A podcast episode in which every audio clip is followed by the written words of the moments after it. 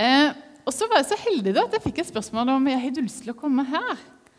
Eh, og nå skjønte jeg at Liv egentlig ikke ante hvem jeg var. Og hun spurte Ingunn sånn ja, er det, vet du, Var det du som anbefalte henne? Og Ingunn, og Ingunn bare Nei, nei, nei. Så nå er jeg egentlig veldig spent på hva er det hun driver med, hun der i Silje. Men, men det var veldig hyggelig. Det hender at jeg er litt rundt forbi. Um, og når jeg tenkte på denne eh, samlinga her, så eh, Og så fikk jeg en utfordring som var liksom, hva er din favorittbok, eller noe fra Bibelen som du eh, Ja, som stikker seg ut. Og da var Johannes noe som eh, var ganske sånn tydelig for meg, og spesielt en historie i Johannes som jeg skal komme tilbake til. Men jeg har lyst til å begynne med et annet eh, sitat.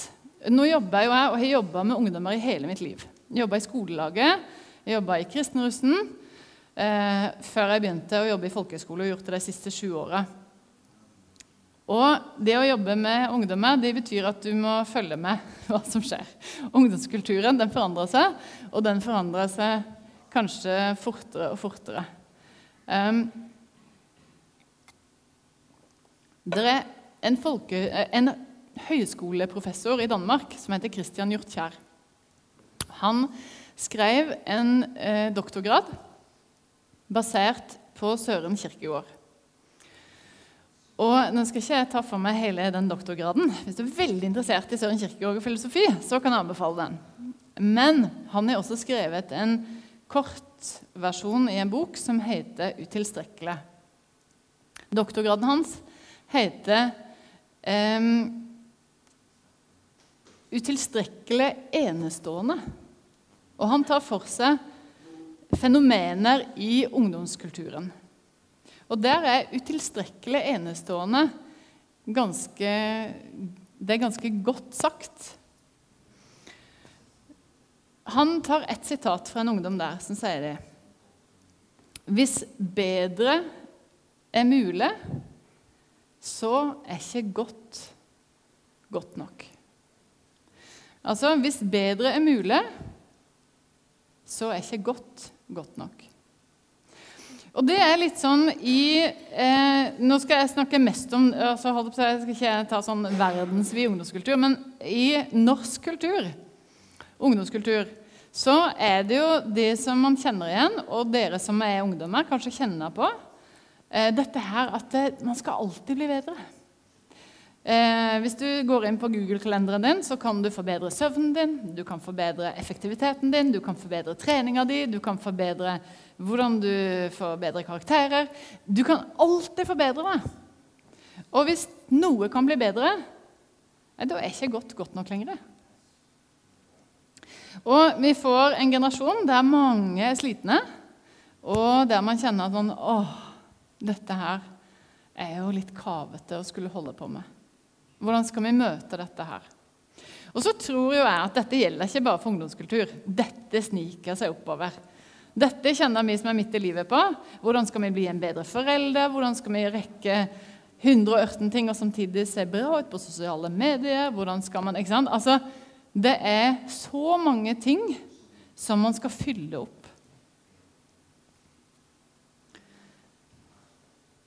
Og så har vi dette her med Gud, da. Ikke sant? Hvis vi har en tro ja, hva, hva, hvordan, hvordan, er den, da? Får den være et hvilested? Får troa være et hvilerom? Eller kan troa også bli bitt av denne her basillen? Og der er, det, der er vi veldig forskjellige. Hvis vi skal si et sånn litt teologisk begrep som er, som er, lettere å oversette på engelsk, for det er ikke så vanskelig på engelsk, men det er litt sånn rart på norsk, som vi sier spiritualitet. Da, da tenker noen sånn i Norge at liksom, ah, det, det, hva er det for noe? Ja, men spiritualitet er egentlig måten troa vår uttrykkes på. Det er spiritualiteten vår. Vi har forskjellig spiritualitet. Der Ingunn uttrykker sin tro på en måte. Det får et uttrykk hvordan hennes tro er. Og så er det ett uttrykk i mitt liv. Og så er det ett uttrykk i ditt liv. Det er vår spiritualitet. Hvordan kommer troa? Hvordan syns troa vår? Og i denne her eh, liksom, ok, denne her samfunnet som vi lever i, er det sånn at dette her med Gud får bli et sånt og troa vår får et uttrykk der det blir hvile? Eller blir det også et sånn Å, jeg burde. Å, jeg burde det, jeg burde det. Og da kan det være sånn at det uttrykket for tro plutselig blir et sånn burde-uttrykk. Og så er de Gud alltid inviterer oss til, det er denne her hånda. Vil du komme? Jeg bryr meg ikke om hva du vil tilby. Jeg bryr meg ikke om du er effektiv. Jeg bryr meg ikke om du har fått det til. Men jeg har en hånd, og den er åpen. Vil du komme? Denne boka Christian Hjortkjær, han lander i det og sier at hvis vi skal hoppe av denne karusellen Hvis vi skal klare å gå vekk fra dette her at eh, hvis det bedre er mulig, så er ikke godt godt nok. Så er det eneste vi kan gjøre, det, det er å hoppe av. Vi må sette en stopper for noen av disse tinga som vi alltid jager etter og kaver etter. Og kanskje må vi gjøre av og til det samme i forhold til Gud. Jeg må hoppe av. Burde dette her, hvis det er det som er sånn min tro er blitt uttrykt, og rett og slett bare sette oss ned og ta imot den hånda. Og Når jeg leser Bibelen, så er jo den full av så forskjellige historier. Og den er så full av mennesker som er ekte mennesker som levde ekte liv. Og Det er kanskje noe av de som jeg synes er virkelig noe av de mest fascinerende med Gud. Det er det at han har en bok som forteller oss i dag om hvem han er, hvem hans folk har vært. Og så velger altså, så, så, så er det liksom de menneskene som har stått seg ut gjennom historien, og de historiene som er der, er det, er det vellykka historier? Nei, det er jo ikke det. Det er ekte folk. Altså, og det liksom går igjen og igjen. De gikk jo på trynet fra dag én. Ikke sant? Det gikk jo ikke. Moses ville ikke tale. Han stamma, så han kunne ikke si noe.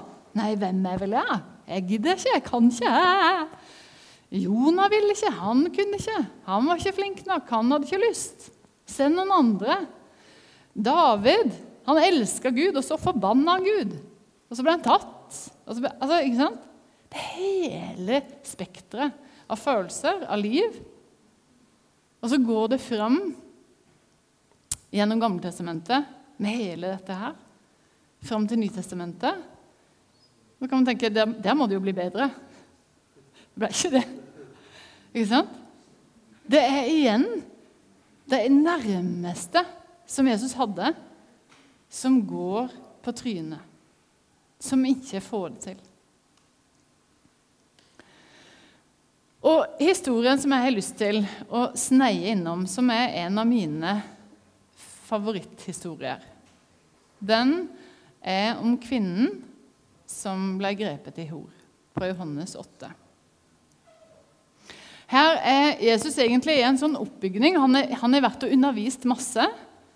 Og denne dagen så har han tatt med seg noen, og så er han i tempelet og underviser. Og han eh, eh, holder på. Han er midt i en undervisning. Tenk, der er han. Han er i det. Og så kommer de altså med en kvinne som er tatt på fersken i ekteskapsbrudd. Og der er det jo noen ting bare i akkurat det her. Fordi her er det nok noen som har fulgt med på denne dama. da. Altså, Hun ble tatt på fersken. Så enten så har ryktet godt at ja, nå tror jeg hun er der, eller ikke sant, nå, nå er nå, er vi, vi har fulgt med på henne. ikke sant? Altså, Det er ikke sånn at du snubler inn på et soverom til noen helt uten videre. Så her er det jo noen som har fulgt med og fått tak i henne. Fått tak i og sett hva som har skjedd. for hun er tatt på fersken. Og, og dette her var jo Det var noen ting i jødisk kultur som ikke krevde rettssak, som ikke hadde noe Det var ingen form for diskusjon. Eller, altså, sant? Var du tatt på fersken i ekteskapsbrudd, så skulle du bli steina. Du hadde ingen sjans. Og Hvis vi skal sette oss inn i denne situasjonen Her kommer denne dama, hun er tatt på fersken. Det er det mest skamfulle i den kulturen. Det ville vært skamfullt i dag. Og tenk hvor skamfullt det var på den tida. Hun hadde noe Hun hadde ingenting igjen etter det. Kanskje blir hun dratt ut, halvnaken. Sannsynligvis så er hun ikke blitt behandla pent på den veien fra de soverommet og inn i, i, i den forsamlinga der, der, Jesus sto og underviste. Så hun kanskje, kanskje hun er blodig. Sannsynligvis ikke masse klær på seg. Det er på en måte skam som jeg, som jeg tror få av oss kan sette oss inn i.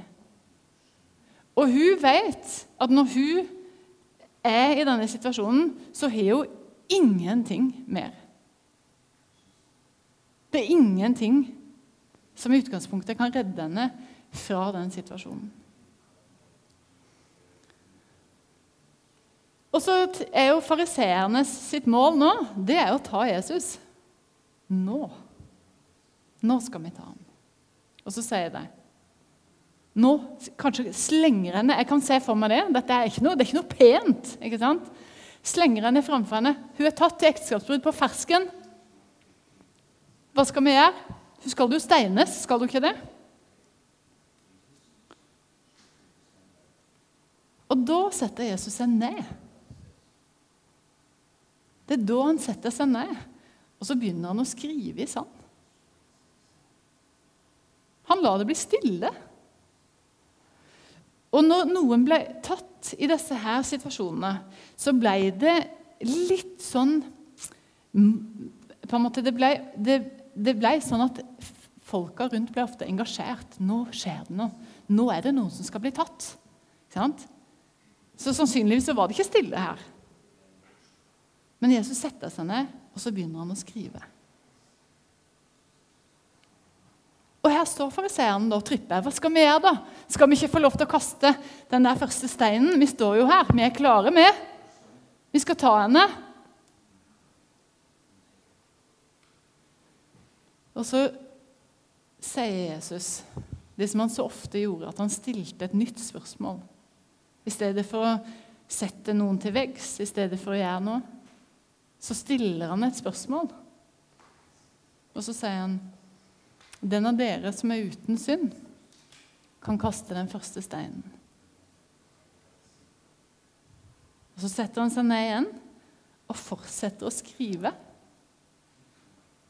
Og la det være stille. Og så forlater de én etter én, den eldste først til det står det er ingen igjen. Og det er Jesus og denne kvinna som hadde bare skammen. Og så sier hun, så sier Jesus til henne ja, hun, hun, spør Jesus, men for, for, fordømmer ikke du meg?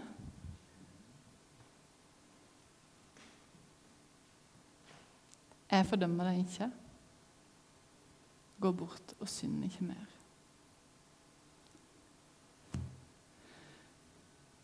Og i de, denne kvinna får denne her muligheten til et nytt liv. Til å legge fra seg skammen. Og begynne helt på nytt. Som er altså helt helt utenkelig i den i, i, sånn, i, sånn, som samfunnet var da. Så er det et så godt bilde, det at Jesus satt og skrev i sand. Vi vet ikke hva han skrev.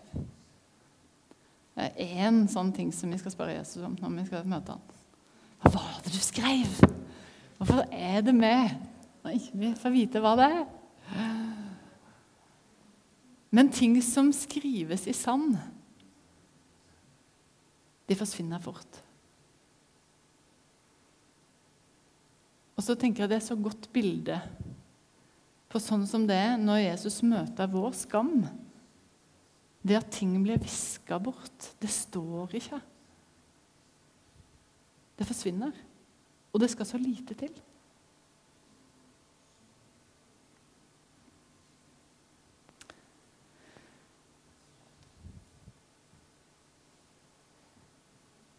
Når vi opplever skam i våre liv, så er det noe jeg snakker eh, Jeg har en sånn egen undervisning om skam med ungdommene på jobb.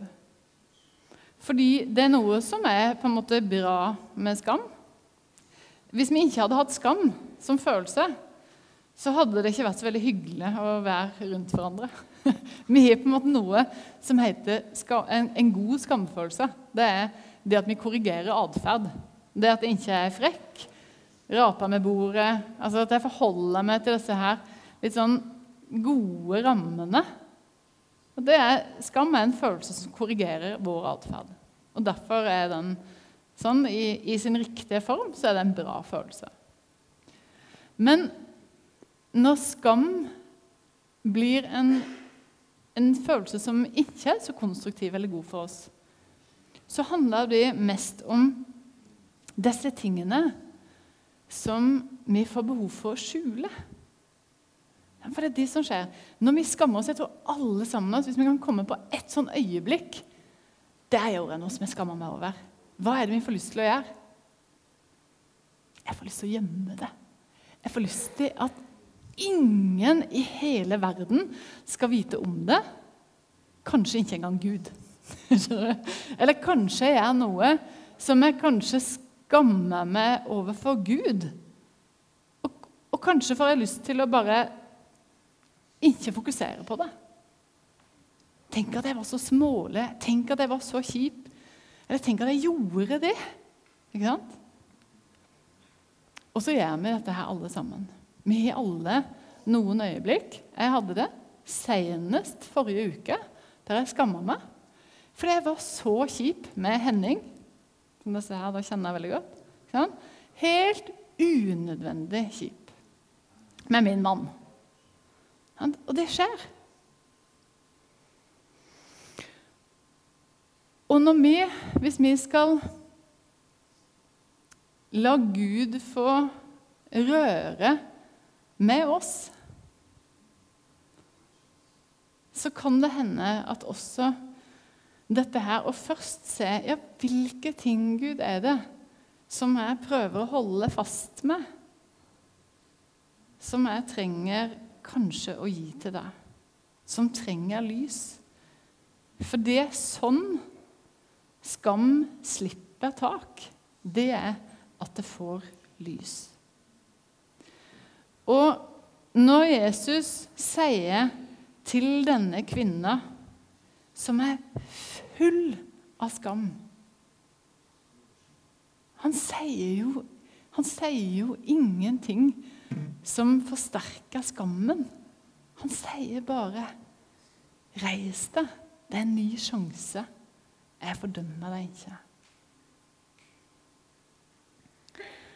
Og det å av og til ta litt sånn tak i disse tingene som rører seg i oss Fordi jeg tror at når det kommer til frihet, så er faktisk dette her å se hvilke ting er det som kanskje gjør at jeg ikke er helt fri pga. skam. Det er faktisk litt viktig. For vi kan ha skam overfor eh, fortid. Vi kan ha skam overfor eh, selvbilde og kropp. Vi kan ha skam overfor eh, familie. Vi kan ha skam over jobb. Det er så mange ting. Vi kan ha skam over forholdet vårt til Gud. Og det å gå i møte med Jesus med disse tingene og si Gud, ta denne skammen, sånn at du kan få reise meg opp. At jeg kan få gå og ha en ny sjanse, sånn som denne kvinna hadde. Det tror jeg Gud inviterer oss til. Og så tror jeg at det ligger en enorm frihet i det. Og den parallellen med dette her at Jesus skriver i sand når det kommer til disse tinga i våre liv Det at det, det er ting som vi kanskje føler at dette her står i sement. Det er ikke sjans. Ikke sant? Og så ser det at det er faktisk skrevet i sand. Hvis Gud får øre med det, da er det Da, da blir det Da blir det forandring.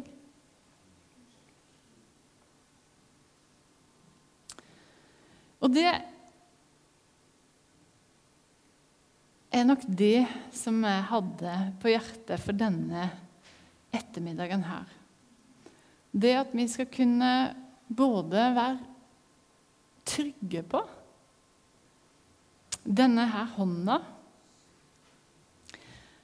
At det er ingen skam som er for stor eller for liten. At det ligger en enorm frihet i det å gå Jesus i møte, selv med disse her vanskeligste tinga, eller ting som vi bare kjenner at ja, vet du hva Det gjør at jeg ikke går helt rakrygga eller fri. Og det at det som er skrevet i sand, det blir ikke stående. Da har jeg lyst til å be bare en liten, kort bønn. Herre, takk fordi at du kjenner oss, og du vet hva vi trenger. Takk for at din invitasjon og din hånd, den er alltid der. Til å bli rørt med, til å ta imot legedom og frihet og til å få oppreisning. Herre, til å be om at du skal hjelpe oss å ta imot fra deg. Hjelp oss å være ærlige med deg. Kanskje med hverandre.